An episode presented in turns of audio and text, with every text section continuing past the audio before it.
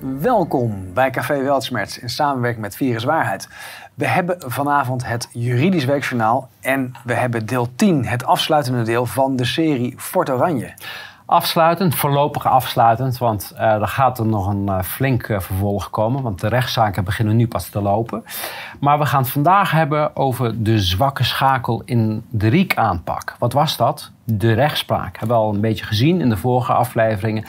En vandaag gaan we kijken um, hoe hebben ze dat probleem aangepakt om grip te krijgen op de rechtspraak. Ja, als we een parallel trekken naar uh, de Agenda 2030, dan, he, stakeholder capitalism, hoe kan die rechtspraak partner worden van de ontnemingsprocedure? Ja, want um, waar zat het RIEK mee? Ze waren vrij succesvol in het samen uh, mensen ten val te brengen. Alleen, ze zaten met een rechtspraak die, de, de afgelopen tien jaar, dat hebben we in die afleveringen gezien, was het de rechtspraak op cruciale momenten hebben zij geblokkeerd. We hebben bij half miljoen dwangsommen waar ze de grond mee wilden afpakken. Eh, eh, nog een aantal keren. Dat, eh, het is niet zo dat die, de rechtspraak haar werk iedere keer goed deed. Want er waren echt zoveel uitspraken. Je denkt van dit bestaat niet. Maar op cruciale momenten eh, was, uh, voorkwam de rechtspraak dat er tot een uh, onteigening kwam. Wat zien we sinds die inval in 2017? Dan zien we ineens dat zowel uh, de, de rechtbank Zeeland-West-Brabant, maar ook de Raad van State, die geven alle ruimte, geven ze in één keer, aan die RIEK-aanpak. En um, hoe verklaar ik dat? Dat gaan we zien, dat is niet zomaar ongrond. Ik heb daar ook bewijzen voor. Door psychologische beïnvloedingstechnieken waar die bijeenkomst van... En precies bijeenkomsten, informele afspraken, die bijeenkomsten hebben we besproken. betrekken. Ja, bijeenkomst van 7 juni bijvoorbeeld met de rechtspraak is daar een belangrijk uh, onderdeel in. En dat, is, dat zie je niet alleen in Fort Oranje. In de hele politiek uh, uh, gebeurt dat. Hè? Argumenten worden vervangen door psychologische manipulatie.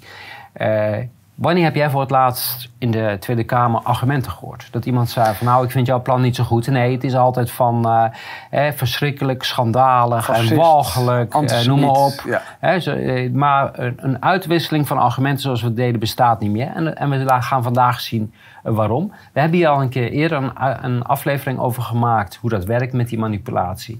En vandaag gaan we het in de, in de casus voor het Oranje daarover hebben als je naar de WOP-stukken die wij verzameld hebben en ook de, de Instituut Fysieke Veiligheid, die hebben we ook allemaal even... De Nationaal Instituut Publieke Veiligheid, dat is hetzelfde. Is dat geworden, ja. Dat is uh, omgevormd. Uh, die, die laten zien wat een frustratie er bij het bestuur leefde. Omdat Fort Oranje en Divine en uh, voorheen ook Engel Vastgoed destijds...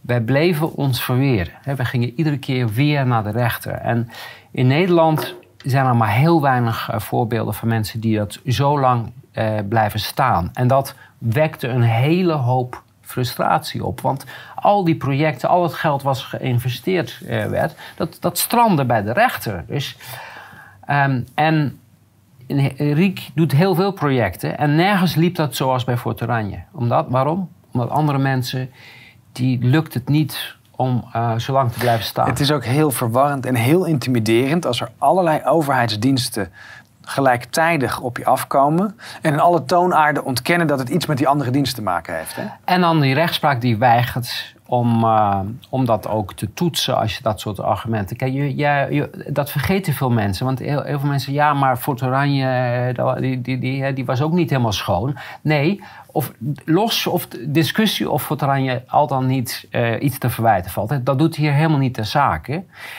Um, wat belangrijk is, het is een strijd van een burger tegen een overheid. Dat is per definitie een asymmetrische strijd. In Nederland is het een dubbel asymmetrisch, noem ik het. Omdat eh, je niet alleen tegen de overheid vecht, maar jij hebt ook geen toegang tot corruptie waar de overheid wel toegang toe heeft. Dus je vecht een, een, een dubbel asymmetrisch gevecht. Dat zie je natuurlijk in de, deze tijd, uh, in de coronatijd, zie je dat uh, helemaal. Ja.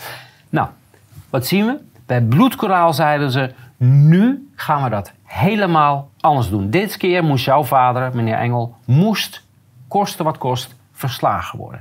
En dat was de reden ook om de gemeente Zundert te voorzien van ondersteuning vanuit de ministeries, vanuit de veiligheidsregio. De zaak moest nu serieus aangepakt worden. Heb ik hier een stukje, uh, dat komt uit het evaluatierapport van het Instituut Fysieke Veiligheid. En daar schrijven ze de symbolische functie met het instellen van grip 4 werd aan de beheerder, de bewoners en de media duidelijk gemaakt de zaak nu echt serieus wordt aangepakt. En de overheid niet langer aan de leiband van Engel zou lopen. Ik bedoel, die uitspraak alleen al. Een overheid loopt nooit aan de leiband van een burger. Want jij hebt namelijk helemaal niet de middelen die zij hebben. Hè. Zij hebben... Maar het is toch ongelooflijk, want we zien dat in, in meerdere van die passages terugkomen.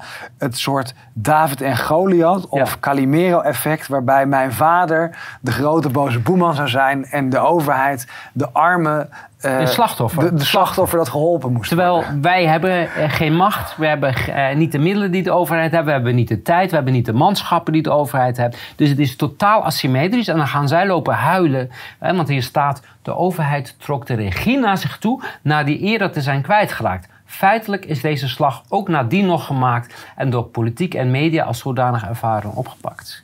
Dan zie je, het was persoonlijk. Die strijd was persoonlijk. Je vader moest vernietigd worden. En het feit dat hij niet weigerde mee te werken om vernietigd te worden, namen ze hem echt kwalijk. En dit was de sfeer die zien we in de documenten terug, die we van de WOP-stukken. Engel moest gezamenlijk verslagen uh, worden. Ik heb hier een stukje uit het taakcommandantenoverleg op 5 juni 2017. Dat is kort voor de aanzegging van we gaan sluiten. En daar is te lezen dat de eigenaar en de zoon zijn hele slimme mensen die weten hoe het werkt. En dan gaat het over Jan, hè? Over Jan, ja. ja. ja. jij bent ook slim, maar jij was niet betrokken. Ik was niet betrokken hierbij. het doel zou zijn zich voor 15 miljoen euro te laten uitkopen. Volkomen onzin, want we hebben de camping aangeboden voor 4,5 miljoen. Gewoon de taxatiewaarde in 2015. Maar dat wilden ze niet, want ze wilden het gratis afpakken. Dus ook ja, en ze wilden een daad stellen. En dat is het persoonlijke. Er was een vendetta. Engel moest verslagen worden. Ja, Um, en hier zie je, het is een, uh, een vendetta. Een persoonlijke strijd van een overheid tegen een burger. Ja, dat, het, dat in begin, het, het, bestaat niet. Dat een overheid zich zo opstelt. De overheid hoort ja, iedereen gelijk te behandelen. Maakt niet uit, hè, ongeacht persoon. Zo hoort het eigenlijk. Zo was dat is eigenlijk waar equity over gaat. Hè? Al het, al het uh, mooie tromgeroffel met Agenda 2030, dat er meer equality en equity moet. Maar de methode die wordt gehandhaafd is tegenovergesteld. Uh, nou, equity uh, op zich wel. En niet equality, maar wel equity, toch? Want het, het resultaat moet voor iedereen... uiteindelijk moeten we allemaal hetzelfde zijn. En dat betekent allemaal, arm. Allemaal ja, ja, ja. en dan de, de, de, evaluatie waar we net uh, al over hadden. Daar zijn de, nog verdere opmerkingen daarover te lezen. bijvoorbeeld je laat een kleine gemeente niet in zijn eentje opboksen tegen Engel, die de stad Rotterdam op de knieën kreeg. Nou, wie de stad Rotterdam op de knieën kreeg, was uiteindelijk uh, ik. want wij hebben, ik heb al die procedures gevoerd. Ja. ja, en op de knieën kreeg, even voor de beeldvorming, uh, Rotterdam als een hele slechte verliezer heeft direct Belastingdienst opdracht gegeven om dat weer in te pikken. En er wordt wel gedaan van hij kreeg een oprotpremie. Nee, ook daar is gewoon getaxeerd. En de waarde is betaald. Dit was gewoon een. En dat hebben ze later weer geprobeerd terug te halen. Precies. Um, en op de knieën kreeg. Waarom niet? Omdat. Uh, het klopte niet wat de gemeente deed. Het ging niet om ervaren. Uiteindelijk bleek dat uh, de, al die procedures die de gemeente aanspannen, die verloren ze. Waarom niet? Omdat ze ongelijk hadden.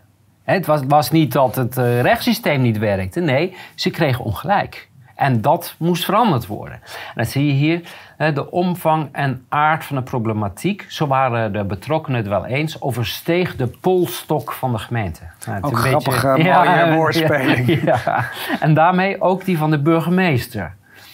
die arme gemeente die te maken heeft met uh, zulke... Enorme overmacht, ja. Um, en om dus een nieuwe nederlaag te voorkomen, moest de rechtspraak meegenomen worden in het proces. Uh, dat zien we al bij de, de start van Bloedkoraal, 31 oktober 2016. Daar staat al, en hier heb ik de slide. Um, er, moest, er is ingepland een mini-conferentie integrale aanpak ondermijnende criminaliteit op vakantieparken. Uiteindelijk hebben ze, vonden ze dat opvallend op vakantieparken, dus hebben ze een algemene uh, met de rechtspraak georganiseerd ondermijnende criminaliteit. Ja, ik ben ervan overtuigd dat dit die eh, Dit van is 7 startschot juni. geweest, ja. ja. Dat is het symposium waar, waarnaar verwezen wordt. Ja, en wat ik dan zo opvallend vind, de rechtspraak, rechtbank Zeeland-West-Brabant staat hier als organisator op. Ja, eh, het is de president, eh, eh, Marieke Koek, onthoud die samen naam. met burgemeester van Tilburg, Noord-Anus. De Noord-Anus, hè, Peter Noord-Anus, die oh, de drijvende veer, de kracht is achter de aanpak van Fort Oranje. Hij gaf daar leiding aan. Die is, heeft samen met Marieke Koek dat georganiseerd. En let op, Marieke Koek is later president geworden van het gerechtshof in Den Haag. Dus Marieke Koek is ook een handlanger. Je zou best kunnen zeggen, dit was een pilot. Ja, En de mensen die het goed 100%. hebben gedaan, die werden doorgezet Ja. naar Den Haag. Zij, dat hebben we eh, ook met de AKD-advocaten gezien, want zij mochten uiteindelijk de noodverordeningen schrijven Ja, in de. COVID-periode. Ja, dus dit, ik ben er echt van overtuigd. 2017, dat past ook in de Ja. planning. Toen is Het is heel erg vergelijkbaar met de programma's die in de Verenigde Staten liepen. Clade X en Crimson Contagion. Dat waren ook van dit soort programma's om te kijken. Testen, testen, testen. En Fort Oranje, daarom mocht het ook 20 eh, of meer dan 20 miljoen euro kosten. We weten niet wat het in totaal, maar minimaal 20 miljoen euro. Het maakt niet uit, want dit was een proef voor de machtsovername in 2020. Ehm, en ze beschrijven het ook open en bloot. Want ze zeggen in het IFV-rapport van ja, de rechter die speelt een belangrijke rol eh, bij het slagen van de ontruiming en de sloop. En ze zeggen zelf, als die rechter niet meewerkt, Precies. En dat- bedenk even wat ze eigenlijk zeggen. Herinneren we nog met de avondklok de welwillende rechter? Ja, Dus er wordt iets gedaan waarvan ze weten dat het juridisch kant nog wel raakt. Dus ze zijn afhankelijk van de rechter. En dan zeggen ze ja, als we afhankelijk van de rechter zijn, dan moeten we de rechter beïnvloeden. In plaats van met een plan te komen dat juridisch klopt. Ja. En dan zie je, het wordt als een, ze beschouwen als een enorme overwinning dat sinds eh, 2017, eh, dus sinds de overname van Fort Oranje, hebben ze alle juridische gevechten gewonnen, noemen ze dat. Ehm, en dan staat ook het advocatenkantoor, maar naar wij begrepen ook een medewerker van het RIEK. eh, zijn als de vaders van het succes genoemd. Ja, goed. Ehm, het is maar wat je succes noemt. Als je zegt vals spelen, eh Het buitenspel winnen. zetten van de Ja. rechtsstaat. Ja. Ja. En om dit resultaat te behalen, eh, zijn kosten nog moeite eh, bespaard. Zo namen ze ook Jack de Vries in dienst. Jack de Vries is spindokter, voormalig staatssecretaris eh, Defensie van het CDA. Die werkt nu bij bureau Hill Knowlton. Hill Knowlton is een wereldwijd eh, spindoktersbureau. Die helpen eh, bijvoorbeeld tabaksfabrikanten. Hebben ze tientallen jaren volgehouden dat het geen kanker veroorzaakte. En voor al dit soort klusjes zijn zij te vinden. Zij eh, beheersen alle psychologische technieken om het publiek te bespelen.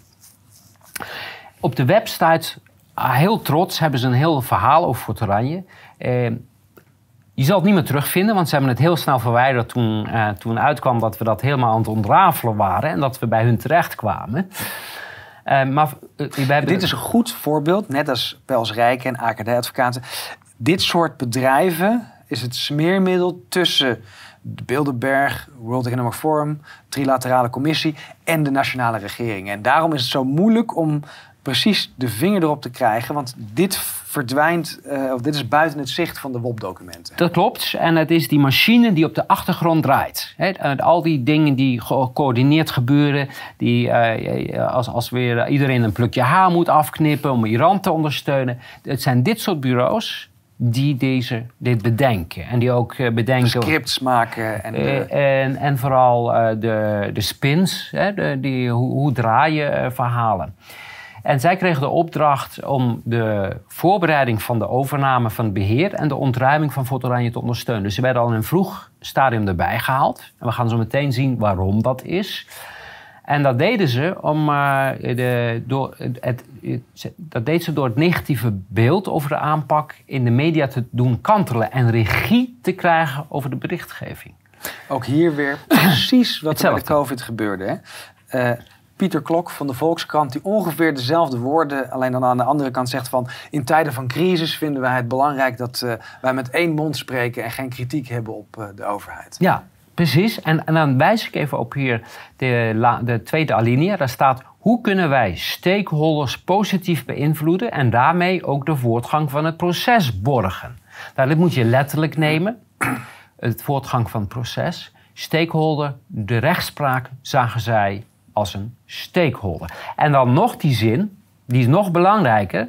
Bestaande wetgeving voorzag niet een aanpak om als overheid een camping over te nemen. Een proces wat kortom juridisch, politiek en communicatief zeer zorgvuldig doorlopen moest Ja, worden. en dat is eufemistisch voor.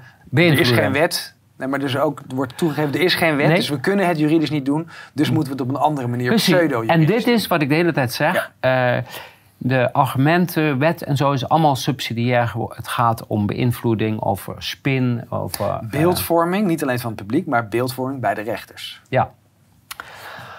Ehm, het PIR-bureau, hè, ze- die, die, die, die, claimen vervolgens dat zij eh, bijgedragen hebben aan de succesvolle overname van het beheer van de camping. En daar noemt het artikel specifiek dat de gemeente in alle juridische procedures in het gelijk is gesteld. En een van die stakeholders is de rechtspraak. Daar hebben zij, nemen daar de eer voor.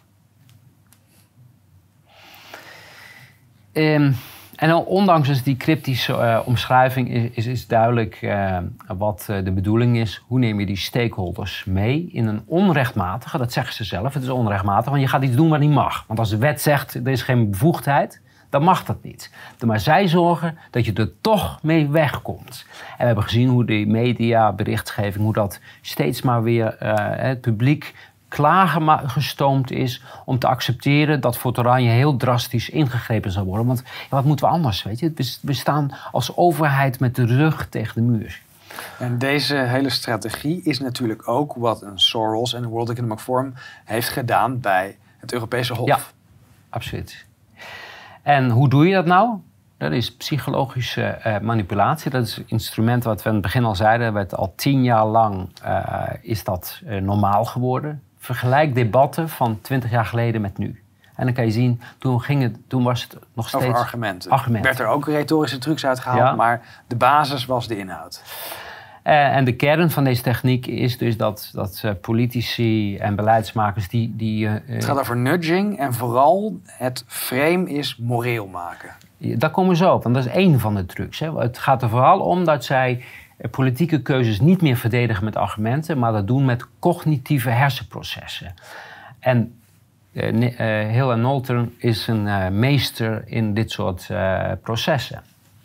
Kijk, en ehm, de inzet van psychologie, dat is niet nieuw. Hè? Dat is, eh, minister, eh, som- sommige ministeries gebruiken dat al eh, tientallen jaren. Maar de doorbraak kwam met eh, het handboek Public Policy Nudges van Richard H. Taylor uit 2008.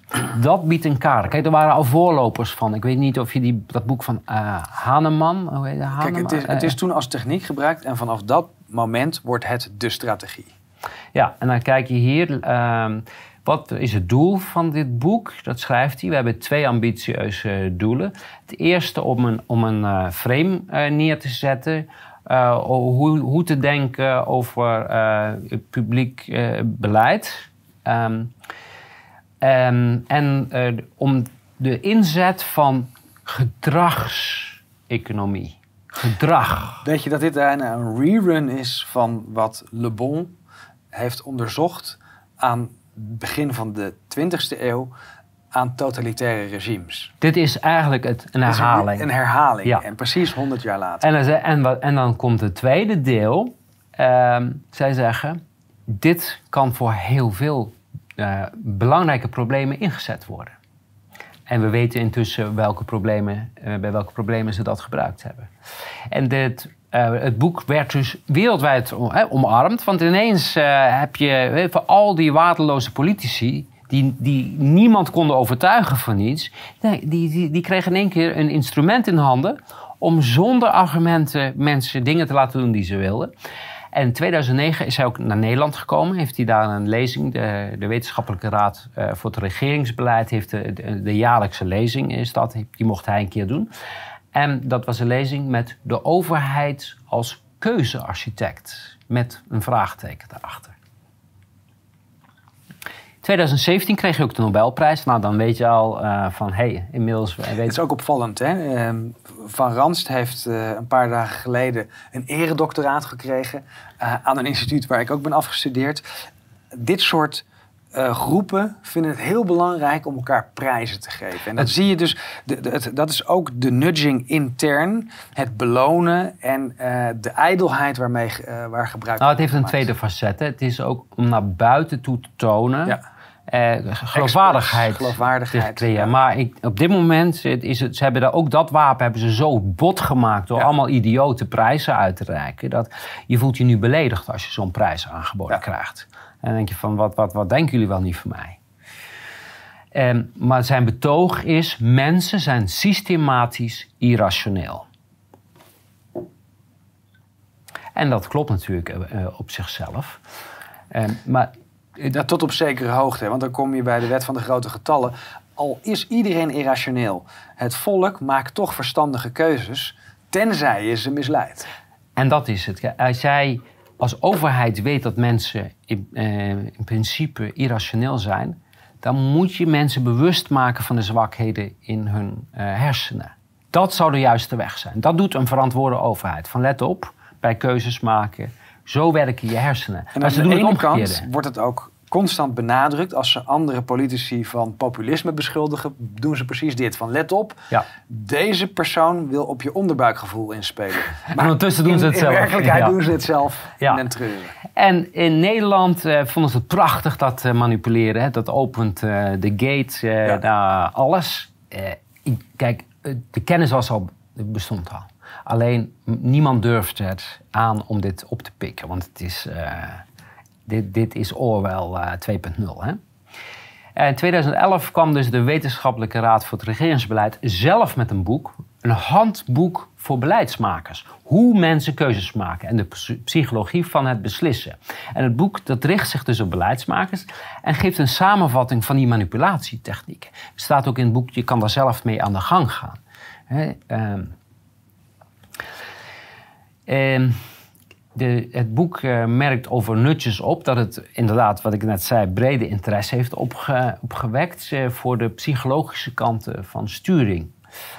En vooral voor beleidsmakers die op zoek zijn naar nieuwe lists om onoplosbare beleidsopgaven door te drukken. Ja, wat staat er nou in codewoord? Hoe kan je iemand bedriegen? Precies, en dat is wat we gezien hebben, of het nou over klimaat gaat, hè, over stikstof. Dit zijn de technieken die erachter zitten. En we gaan zo kijken wat, op welke knopjes uh, ze dan uh, drukken. De kern van de techniek is het, dat het uitgangspunt dat keuzes niet tot stand komen op basis van rationele afwegingen, maar die zijn het resultaat van onbewuste processen. En het boek laat precies zien op welke plekken zitten nou die zwaktes in ons brein en welke emoties moet je aanspreken om in deze processen, met deze processen, ongemerkt eh, mensen te beïnvloeden richting de, de gewenste keuze. En de vraag die ze zich ook stellen, en dat is een hele gevaarlijke, en die vraag stellen is een beantwoorden. Waarom zou een overheid nog pogingen moeten doen om haar burgers met argumenten tot andere keuzes te bewegen, als we toch niet vrij zijn in keuzes? En ik wil mensen meenemen naar onze rechtszaak tegen die vaccinaties. Het argument van de overheid was: het staat op de website in het magenta-kader. Ja. Dus het wordt gereduceerd tot van: waarom vraag je überhaupt over argumenten? We hebben er al kleurtjes aan gegeven. Ja. Nee, en en nog, nogmaals, in eh, de coronacrisis zijn al deze, alle registers zijn opengetrokken met inzet van deze technieken waar we het vandaag over hebben. We zijn al heel snel hebben we de aandacht gevestigd op dat, die gedragswetenschappers. Ik denk vanaf de rechtszaak tegen de mondkapjes, medio augustus 2020. Um, dat werd helemaal ridicuul toen ze begonnen over de klimaatgedragswetenschappers. Dus ik denk dat vanaf dit jaar het mainstream is dat iedereen ziet... we hebben hier te maken met een één groot bedrog. Maar het laat zien hoe belangrijk het is dat mensen zich bewust worden van deze technieken. Want als je er bewust van bent, zie je het ook. En dan werkt het niet meer. Ja. De auteurs van dit boek, van de uh, Wetenschappelijke Raad, die, uh, die zeggen dat het toepassen van deze beïnvloedingstechnieken niet mogen leiden tot een afgeleide naar kwalijke vormen van manipulatie. Dat is weer die double speech. Hè? We waarschuwen maar vast. Maar Het geeft in ieder geval aan dat ze snappen dat ze verantwoording moeten afleggen later. op een dag. Ja. Het doel heiligt niet de middelen, zegt ze. Sommige vormen van manipulatie zijn moreel onaanvaardbaar. De overheid moet afzien van beleid dat zij publiekelijk niet kan of wil verdedigen. Maar dat is een beetje dubbel. Aan de ene kant zeg je van je hebt geen argumenten meer nodig, want je kan ze manipuleren. En dat is meestal in gevallen dat je geen argumenten hebt. Dus ehm, wat zij zeggen, zal hun techniek overbodig maken. Want als je goede argumenten hebt, dan heb je geen eh, manipulatie nodig. Eh, en dat eh, vullen ze, daar voegen ze nog aan toe. Als bepaalde vormen van sturing het daglicht niet kunnen verdragen, beginnen dan niet aan.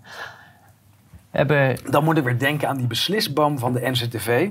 Waarbij ze de vraag hebben: is dit, valt dit binnen ons takenpakket, maar is er geen juridische grondslag?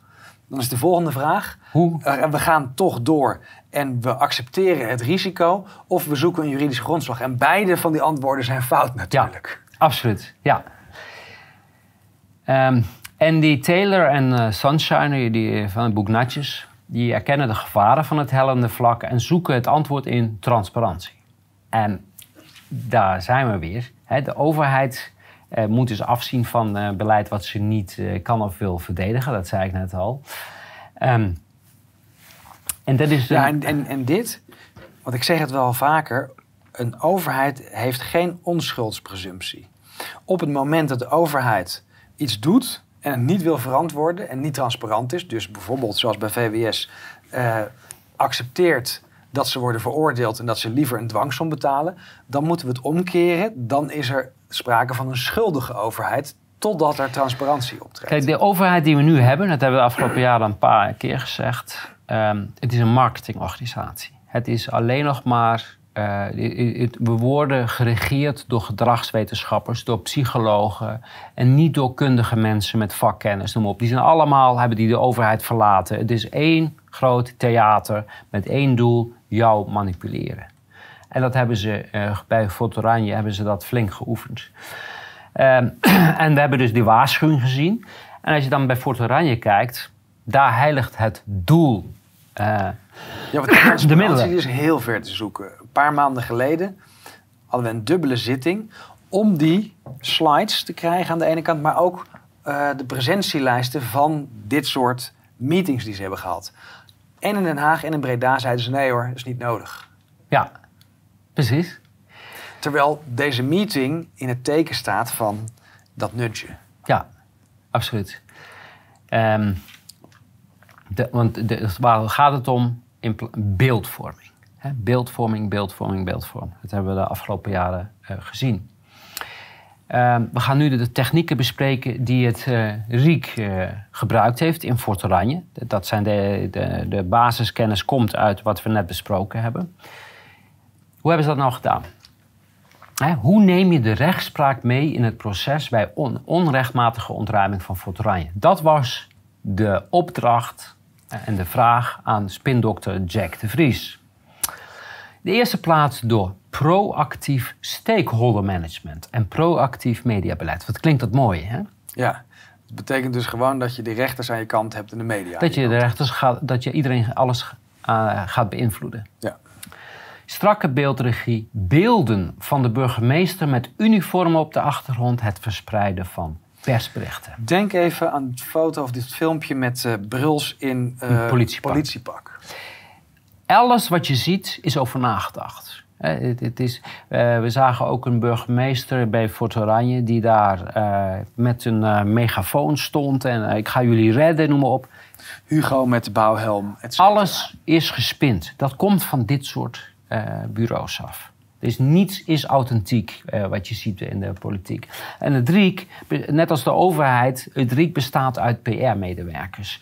En de meeste vacatures van het RIEK die hangen samen met communicatie, criminologie en gedragswetenschappers. Ik heb er een paar opgezocht. Iedereen kan die gaan googlen. Wat voor mensen eh, vraagt het RIEK? En het zijn meestal eh, redelijk goed eh, betaalde baantjes. Communicatiemedewerker RIEK Den Haag, communicatieadviseur Taskforce RIEK Brabant-Zeeland. Communicatiemedewerker eh, Taskforce RIEK Brabant-Zeeland. we worden geregeerd door communicatie-experts en niet door mensen die kennis van zaken hebben. En in het mediabeleid gebruikt het RIEK een aantal manipulatieve technieken. in de eerste plaats voor oranje werd tot een morele kwestie gemaakt. Dat is een basistechniek. Maak iets moreel. Je maakt een frame.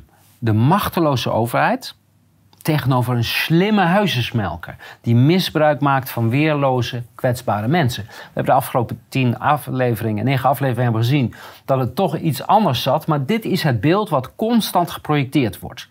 die, die engel, dat is de kwaad zelf en de overheid die is de goede en die, die, die, die staat machteloos. Het is een totaal absurd beeld, want jij hebt geen macht, nogmaals. Je hebt niet de middelen, de mankracht, noem maar op. En uh, de overheid mag alleen optreden als jij wetten overtreedt. En hier zien we, er hoefde helemaal geen wetten overtreden te worden. We, moesten, we moeten gewoon die uh, camping aanpakken. Dus zonder een feitelijke onderbouwing werd het beeld neergezet en verspreid dat de controle kwijt zou zijn en dat drastisch ingrijpen onvermijdelijk is. Dat is die hele mediacampagne was daarop gericht. ook weer dus de problem, reaction, solution. Ja. En wat zeggen ze over morele intuïties? Dat wil zeggen, sterk affectief gedetermineerde overtuigingen over wat goed en fout is, die zonder enige bewuste afweging of redeneren in ons bewuste opkomen en ons oordeel bepalen. Wat is de techniek? Als je iets moreel maakt, schakel je denkvermogen uit. Dan heb je gelijk je oordeel klaar. Dit is eigenlijk wat populisme is. Denk aan, je moet die spuit nemen om anderen te redden. Je moet je laten testen voor anderen. Anders ben je slecht. Anders ben je een slecht mens. Want denk aan je opa en oma die kunnen sterven. Precies. Moreel maken. Dan heb je al uh, terrein gewonnen, want niemand gaat dan nog nadenken van klopt het wel? Want je denkvermogen wordt uitgeschakeld. Hè? Want het staat in het boek, een moreel maken, dan krijg je een hele sterke affectieve uh, uh, reactie. En die zijn zo sterk affectief geladen dat maar weinig mensen uit eigen beweging hun eerste intuïtieve oordeel door logisch uh, redeneren herzien. We zien die totaal absurde redeneringen. Maar dit wordt dus heel bewust gestuurd op bedrog. Het primaire denkproces wordt uitgeschakeld. En dat heeft uh, tot gevolg dat de ontvanger van een moreel oordeel um, een, vel, een, een oordeel velt dat achteraf met de daarbij bedachte redenen gerechtvaardigd wordt. En dit is belangrijk, vooral voor de rechtspraak.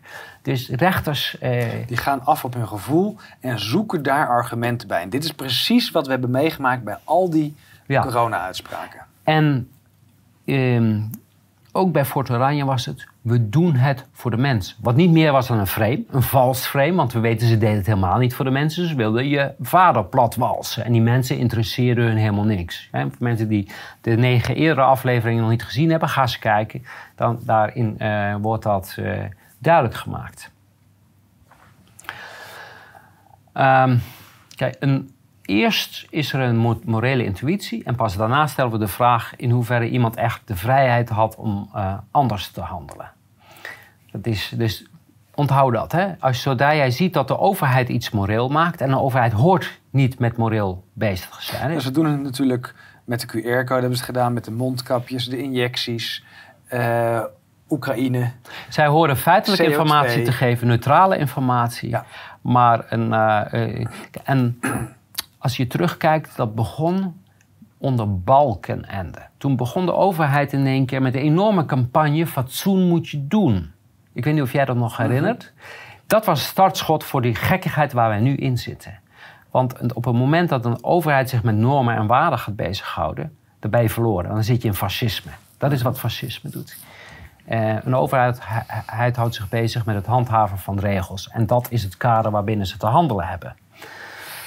Uh, niet alleen uh, de rechtspraak moet moest meegenomen worden, maar ook de Zunderse gemeenteraad. Dus het RIEK heeft ook een presentatie gehouden bij de gemeenteraad met hetzelfde doel om hun mee te nemen. En als we dan de WOP-stukken kijken daarover, dan zien we de raad moest, net als de rechtspraak, meegenomen worden in het proces zonder inhoudelijk op subject of object in te zoomen. Dit noem je uh, prime. Eh, je, je zegt niet precies waar het over gaat, maar je hersenen begrijpen wel waar het over gaat. Dus je houdt het algemeen en dat doe je, hoe doe je dat? door het tonen van sfeerbeelden, waarmee een beroep op emoties wordt gedaan. Dit is wat ook bij de politie de laatste tijd heel veel gebeurt. In mijn dossier zitten er ook een paar sfeerrapportages. Die zijn eigenlijk niet te gebruiken, want er is geen bewijs, er zijn geen feiten. Ja, maar alleen dit maar is over Precies. Het beïnvloeden van de rechter. Dit is precies wat dit is. En wat sta, het staat er letterlijk in in de stukken. Vervolgens wordt, eh, was het de opgave en om bewustwording bij de gemeenteraad en het inbeelden van een niet gewenst voorland met een indringende rapportage en sfeerbeelden. En daar zien we die psychologische manipulatie weer terug. Hè. We gaan ze beelden laten zien die schokkend zijn. Het is NLP-techniek? Eh, Neurolinguistisch eh, programmeren. Je geeft aan de ontvanger een opdracht. Je legt uit, kijk eens, wat een verschrikkelijke situatie. Hoef je niet eens te zeggen van wat jij moet gaan doen. Nee, jij voelt van binnen, oh, hier moeten we optreden. En eh, ze lieten aan de gemeenteraad een hele serie met verschrikkelijke afbeeldingen. Ze hebben op alle hoeken in de camping hebben ze geprobeerd de meest eh, verschrikkelijke dingen te fotograferen. En die foto's die hebben ze laten zien. Hennenplantages, een verkeerd aangesloten gasfles, slechte woonomstandigheden die vaak helemaal niet aan de eigenaar te wijten zijn. Die mensen huren een caravan. En die, zelf slecht onderhouden, et cetera. of ze hebben Dus- geen geld om het Dus hè, hier is het ook weer door het uit de context te trekken. En dat hebben we ook bij corona gezien. Het van, er zijn zoveel doden. En dan bekijk je het eigenlijk over het grote geheel. En dan zeg je, oké, dus is er niks aan de hand. Maar hier zie je dat op de achtergrond al die gedragswetenschappers en al die psychologen, die maken eh, het beleid. Die zijn bezig met hoe doe je dat. En dit is zo'n voorbeeld. Kijk, op Fort Oranje, heel ludiek, stond op de toon, op de balie stond een, een met een briefje erbij. Wie dit doet, Kweekt. kweekt, wordt per direct verwijderd. Het was als waarschuwing bedoeld. Ja. En dan laat zien, moet je zien wat een, ontaar, wat een ontaarde mensen dit zijn. Het is zo'n wietplantje daar hebben staan. Terwijl het natuurlijk een... eh, een Een heel positief iets. is. Ja. En in de rechtszaken doe je hetzelfde. Hè? Je doet een beroep op deze technieken. Want je hebt geen verweer. Want ze hadden geen verweer. Want juridisch staat het helemaal fout. We hebben het net gezien. Het is bevestigd. Er waren geen bevoegdheden. Dus wat doe je dan? Je gaat zitten op beeldvorming. En eh, dat doe je door bijvoorbeeld Engel, jouw vader, weg te zetten als een afkeuringswaardig eh, individu. Kijk, en dan komen we bij corona. De wappies, de antivaxers. Framing. Framing, framing. framing, framing, framing. De enige reden waarom ik in de rechtszaal zit... ah, ehm, of gisteren, hè, want we zenden het Is door later uit, framing. is door framing. Ja, en framing is een hele belangrijke. Die mag je niet onderschatten. En dat weten ze ook in die rechtszaken. Eh, kijk, ik, ik, ik, aanvankelijk ik was alleen maar bezig met argumenten. Want ik had nog niet het psychologische deel door. Maar ik zag de tegenpartij constant met hele eh, pakken met eh, krantenartikelen en knipsels. Maar geen argumenten. En ik denk, ja, maar, maar dan, dan zie je, rechters zijn mensen. Die, laat, die, die eh, onbewust, eh, eh, ze zijn ze ook niet bewust van hun hersenprocessen. Ehm, en dan gaan we even naar, hoe, hoe ziet nou een verweer eruit in al die rechtszaken? Een conclusie, van antwoord. Bijvoorbeeld, ik heb even een voorbeeld genomen, 31 augustus 2017. Dat ging over een kort geding waar we zeiden, we willen, we willen dat de gemeente stopt met het slopen van die camping. Dat hebben we geprobeerd. Eh, ze hadden geen juridische argumenten, weinig steekhoudend of ondergeschikte rol. En ze probeerden vooral bestaande wetgeving eh, op te rekken om het handelen te legitimeren. Er was eenvoudigweg geen bevoegdheid. Maar wat doe je dan als AKD? Ik meen dat, hoeveel pagina's staat dat erbij? Nee, eh, maar ik denk wel 30 pagina's van hun verweer was alleen maar artikelen uit Rotterdam. Terwijl je vader was in Rotterdam, werd hij ook al geframed. En dus het zijn geen neutrale artikelen. Nee, dat was ook een campagne die ze destijds al tegen jouw vader voerden. En dan pakken ze die artikelen weer om te laten zien... Hè, beruchte huisjesmelker Kees Engel. Kees Engel, die man was compleet maf. Noem maar op. Een, een, eh, een hele brainwash van kijk eens met wat voor een afkeuringswaardig individu. het- Terwijl het heeft niks te zoeken in deze rechtszaak. Dit ging over Fort Oranje. En het enige wat de rechter te beoordelen had... is er een bevoegdheid, ja of nee? Punt. Ja. Jens ten Brink eh, van Kennedy van der Laan, die heeft precies deze techniek Ja, gebruikt absoluut, zeker. bij eh, onze zaken tegen Facebook en BNN-Vara. Totaal buiten de zaak om begon hij een hele lastercampagne binnen de rechtszaal. Waar de rechter natuurlijk had moeten ingrijpen, want het ging veel te ver. Hè. Het ging echt over valse aantijgingen. Maar ze krijgen alle ruimte ervoor. En, de- en dit is iets waar we denk ik cursus voor moeten geven. Eh, hoe kunnen rechters weer rechter worden? Om zich bewust te worden van dat ze worden bespeeld. Nou, deze te- eh, technieken moeten op de lagere school al gegeven worden. Ja. Dit moet standaard werk moet dat zijn om voor mensen dat ze leren hoe werken manipulatieve eh, technieken. Want alleen zo kan je mensen wapenen tegen waar we nu in zitten. Waar we nu in zitten kan alleen maar zolang je als een eh, hè, eh, mensen kan blijven bespelen. En priming is echt een van de belangrijkste. Want je, je activeert mensen onbewust. Door te denken aan bepaald gedrag is de kans al vergroot dat het wordt uitgevoerd. Dus, dat hebben we vaak in die weekjournalen ook laten zien. Dat ze even een artikeltje alvast maanden van tevoren plaatsen. Het zit al Even in je zaaien, hoofd. ja. Het zit al in je hoofd. En eh, priming, eh, kan, dat schrijft ze aan het boek, kan allereerst grote invloed hebben op attitudes en oordeelsvorming. Ehm, in, eh, in een van de eerste priming-studies eh, vroegen Higgins eh, aan proefpersonen een woord- lijst met woorden te bestuderen. En, ja, en dan kunnen ze aan de hand daarvan, zonder dat ze het gemerkt hebben, worden hun keuzes al beïnvloed. Ah, puur alleen al door een woord te laten vallen of door een kleur te noemen, noem maar op. Het is een heel krachtig middel. Ehm, ja, dit, dit gaat nog verder over, eh, eh, over, de onbewuste processen en wat je doet met eh, priming. Het is het activeren van mentale concepten zoals normen, doelen, kenmerken of stereotypen, waardoor deze concepten makkelijk toegankelijk worden. De prime kan alles zijn. Hè? Het, het, is, het kan een geluid zijn, het kunnen kenmerken van de fysieke omgeving, het gedrag van mensen. Alles wat voor zintuigelijk waarneembaar kan een prime zijn. En als je daar bewust mee bezig bent, kan je mensen heel ongemerkt.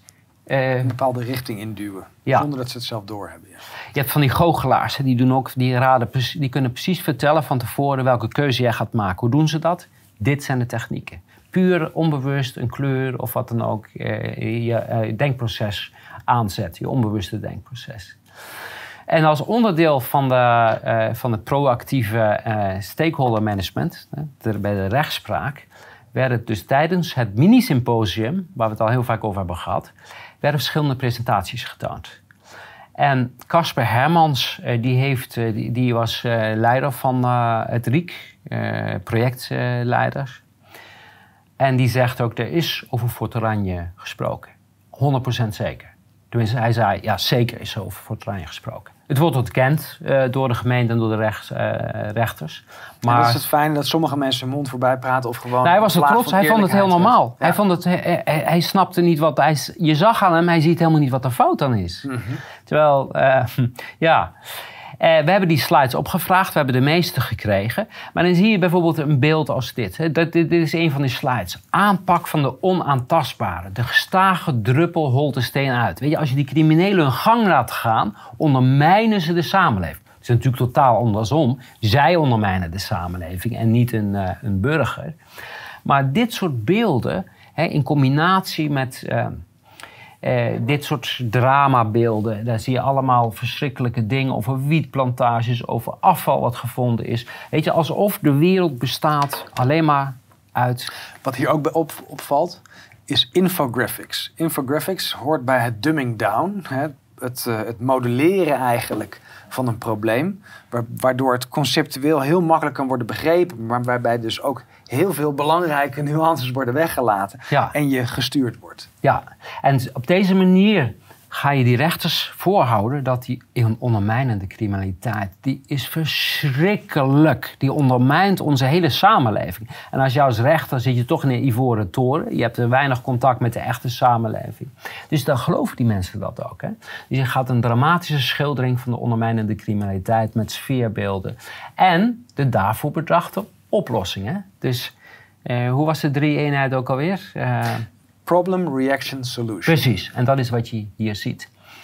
Eh, en dat de daarvoor bedachte oplossingen door een integrale aanpak worden getoond, zonder dat ontbrak volledig, een juridische en wetenschappelijke onderbouwing. Dus je laat aan die rechters... Laat je En ook dat één op één voor de, de coronacrisis. Ja. Hey, want Jan Brouwer van de Universiteit van Groningen, die noemde al in 2018 of 17 of al eerder, die hele hype, hè, dat was ook een hype, die ondermijnende criminaliteit, zoals daarna corona ook gehyped is.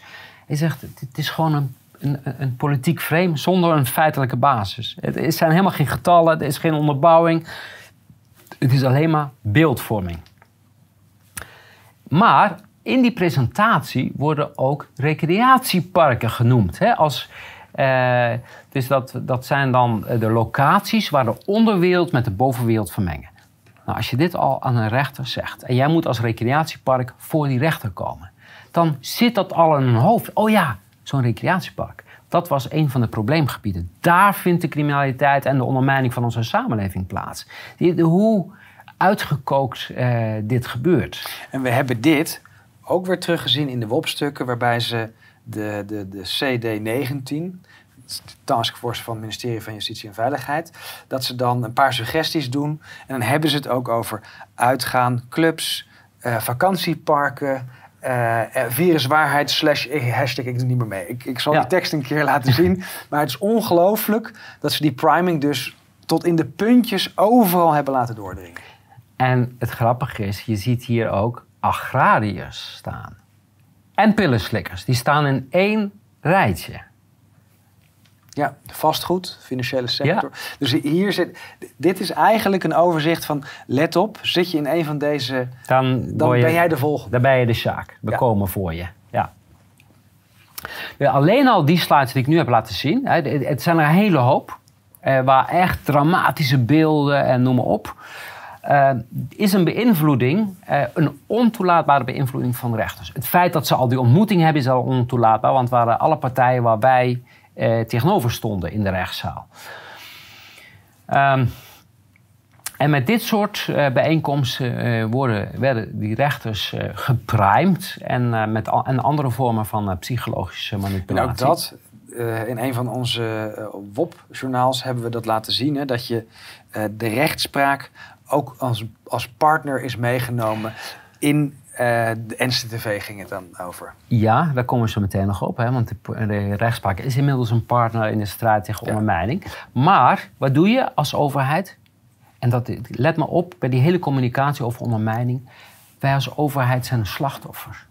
Wij staan met onze rug tegen de muur. En daarmee, door dat aan die rechters te vertellen, maak je ze deelgenoot. Je ma en jij, zij kunnen jou een oplossing bieden. Je hoeft alleen maar mee te gaan in wat wij doen. En dat hoef je niet eens te vertellen. Je hoeft alleen maar je machteloosheid uit te drukken en te laten zien dat als we niet ingrijpen, met corona hetzelfde. Als we niet ingrijpen, dan gaat half Nederland gaat dood. We moeten eh, die maatregelen nemen. Maar het ging nog verder. Hè, want we hebben nu eh, de presentatie laten zien die ze aan iedereen daar hebben, de algemene presentatie. Maar we hebben nog iets veel mooiers.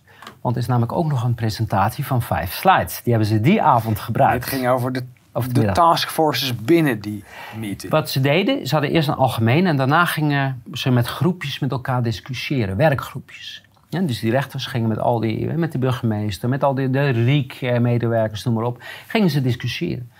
En daar hadden ze vijf slides nog voor om even in een notendop het probleem van Fort Oranje aan die rechters uit te leggen. En dan, en dan zie je weer het beeld van, eerst een verschrikkelijk beeld, hè. Het gaat nooit meer als zo'n normale camping functioneren. Nou, daarmee heb je al, als het gesloten wordt, maakt niet uit, want het gaat toch nooit meer als recreatiepark functioneren. Mensonterende situatie, sociaal-maatschappelijke misstanden. Niet zeggen dat hebben, eh, waar- waarom dat zo is, hè. dat hebben we in negen afleveringen uitgelegd. En allemaal moreel maken. Mooi, precies. Verloedering, wanorde, ondermijnende criminaliteit en geen perspectief op herstel. En dit is de manier waarop aan die rechters eh, hun probleem. En dan komen ze met cijfers. Ehm, Midden-Europeanen staan er dan ook, en Roemenen, en eh, hoeveel staan er ingeschreven. En er zijn ook heel veel dieren zitten, staan daar. Wat erg. Hè? Er zijn dieren. En er zijn meer dan 55 uh, bedrijven gevestigd. En kijk, wij als gemeente, wij staan met de rug tegen de muur. Want wij sinds 2009 zijn we bezig met integrale handhavingsacties. Maar als je dit op dit detailniveau bekijkt, dit is een absolute schending van artikel 12. Dit, van hier kan geen twijfel over Ja. bestaan. Ja. Hè? Ik eh, ga hier niet gelijk vertellen hoe we hier aangekomen zijn. Maar eh, dit laat zien hoe eh, de manipulatie plaatsgevonden Ja. heeft. Dus we hebben het nu over verdachten. Hè, die rechters zijn, hebben zich eh, crimineel gedragen met, met dit soort... Door dit niet te beseffen dat Ze je... hadden zich moeten verschonen ja, als ze hierbij 100%, waren geweest. 100%. Ja. En ik heb ze allemaal voorgehouden Ja, eh, van... ja dus je- daar hebben ze ook nog eens over gelogen. inderdaad. Ja, ze konden niet meer herinneren over, over wat Oranje gesproken was. Ja, weet ik niet meer. Ehm, talloze juridische procedures tot aan de Raad van State. Nou, als je ongelijk gekregen hebt, was er kennelijk geen probleem. Maar die stap wordt niet gemaakt. Nee, het is onterecht dat we eh, verloren bij de Raad van State. Bestuurlijke ongehoorzaamheid. Wij zijn gestopt met mensen inschrijven. En we zijn door de rechter teruggefloten. Want we moesten ze toch gaan inschrijven. En twee eerdere concrete pogingen om, camping, om de camping te sluiten... staat tijdelijk tussen haakjes, brandveiligheid en milieu. We hebben dat behandeld. Er was helemaal geen brandveiligheidsprobleem. En er was ook geen milieuprobleem. Het was alleen maar kapstokken om de camping aan te Daarbij pakken. ook weer, als ze die pogingen mislukt zijn, dan was het kennelijk niet ernstig genoeg. En dan was er Precies. kennelijk niks aan maar de hand. die stap wordt niet gemaakt. En als rechter zou, je dat, zou jij moeten zeggen... ja, maar wacht even. Als die procedures, als je ongelijk krijgt... had voor terrein... Ja, en da- dat is, dat is jammer dat die rechters niet snappen dat zij eigenlijk eh, zichzelf hebben ondermijnd hier. ja, 100 procent. Want dit is een aanklacht tegen de rechtspraak. Ja. Tegen de onafhankelijkheid van de rechtspraak. Van jullie mogen niet meer onafhankelijk zijn. Ja. En dan noemen ze nog de kosten voor de hulpverlening en handhaving. Hulpverlening, eh, vooral handhaving, 800.000 per jaar. Als ze het probleem hadden willen oplossen, hadden ze natuurlijk met dat geld makkelijk kunnen oplossen. Door de mensen te helpen. En dan noemen ze nog publieke discussie en brede verontwaardiging naar de SBS-documentaire. En bezoek van vicepremier Ascher in maart 2017. En ze geven ook nog even een tijdlijn van wat zijn we van plan. 9 juni besluit, mogelijkheid zienswijze, definitieve besluit 7 juli. En dan zie je weer, ehm wij hebben het juist gedaan toen. Wij hebben gezegd we gaan sluiten.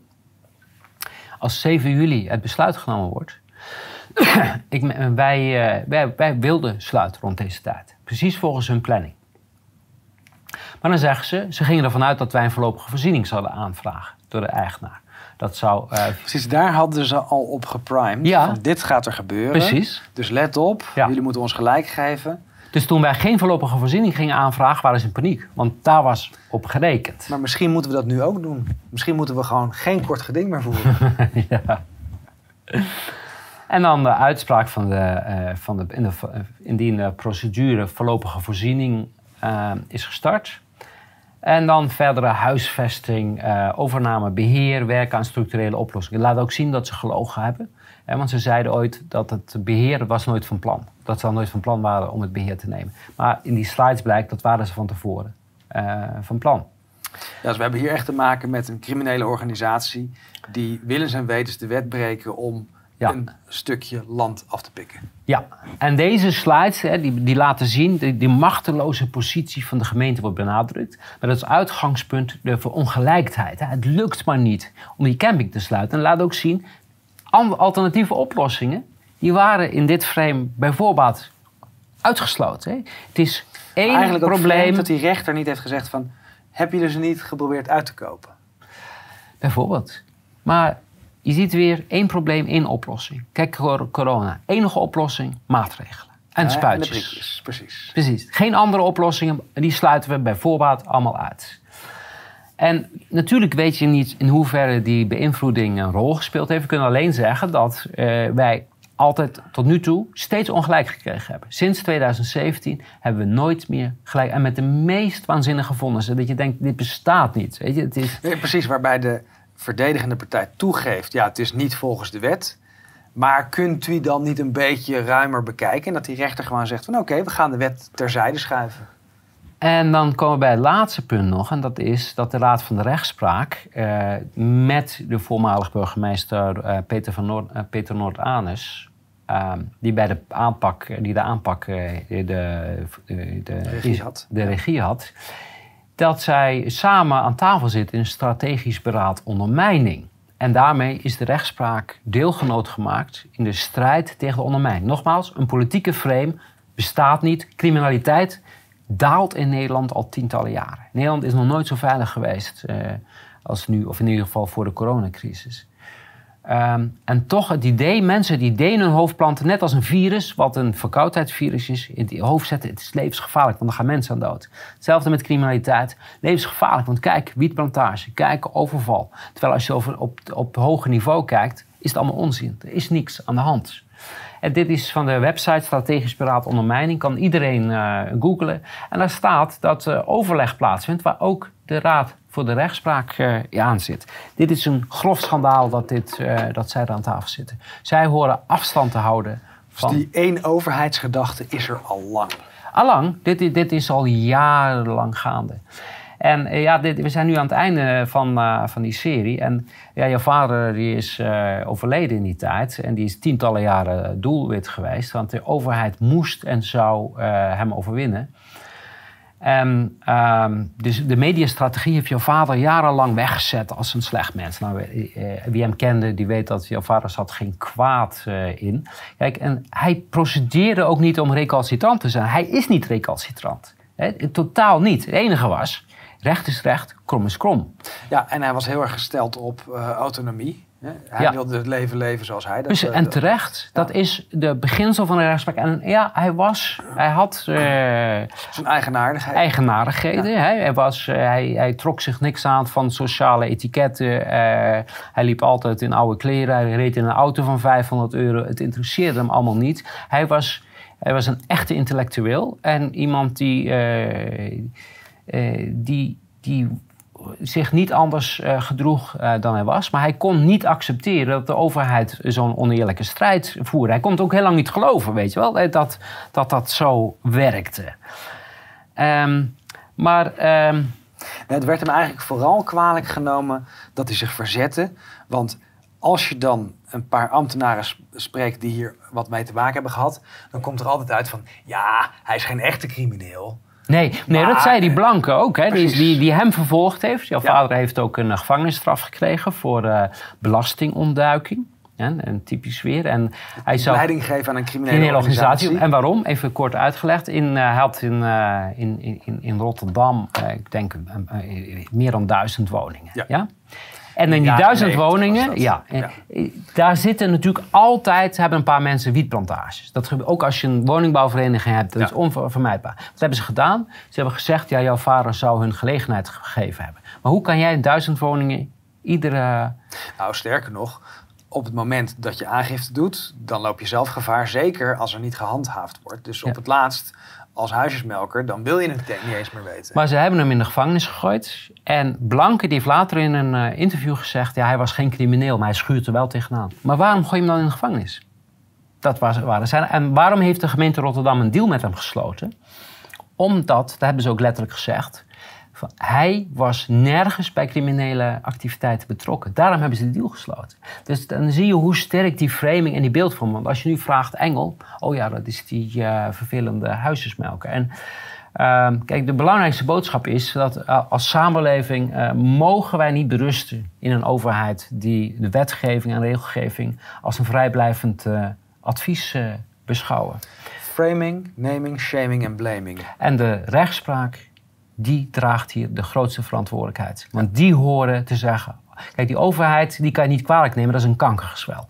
Overheid doet en pakt wat ze kunnen. En die gaan door zolang ze kunnen, totdat ze gestopt worden. Totdat er een chemotherapie is die het weer in het... Er is een reden waarom vrouw Justitia een weegschaal en een zwaard heeft en een blinddoek vooral. En die moet terugkomen. Ja. De nudging moet eruit, de subliminal messaging, de beïnvloeding. Rechters moeten weer rechters worden. Maar het laatste woord is hier niet over gezegd. Uh, we, zijn, we hebben net de gemeente aansprakelijk gesteld voor 9 miljoen euro. Dus de schade die ze hebben aangericht. Uh, we gaan nu ook uh, die kosten die ze in rekening brengen, daar begint nu een procedure te lopen. Ehm, we eisen de grond terug. We willen nieuwe campingdagen opbouwen. Uh, want uh, de overheid werkt niet mee om, uh, aan een oplossing. We hebben in stilte hebben we een oplossing voorgesteld. daar weigeren aan mee te werken. Ja, dus alle vormen van oplossingen. Hè? Dus ja, meerdere plannen. Ja, ja zeker. Ja. dus nu geen oplossing mogelijk is, moeten wij dus die schade gaan verhalen. Hè? Uh, want de infrastructuur, alles wat gesloopt is, uh, moet weer opnieuw opgebouwd worden. Dus we, gaan, uh, we, staan nu, we zijn voorbereid en het, het, volgende gevecht gaat beginnen. En het kan niet zo zijn dat dit verhaal, hè, dit is, ik denk in de geschiedenis van Nederland, een van de absurdste juridi juridische miskleunen die er bestaan. Ja mag niet dat, dit, uh, dat ze daarmee wegkomen. Ook uh, in een uh, herinnering aan je vader mogen ze daar niet mee wegkomen. Zeker. Goed, dit was voorlopig. Ja. Ongetwijfeld wordt, komt er Volgend jaar seizoen 2. Ja, oké. Okay.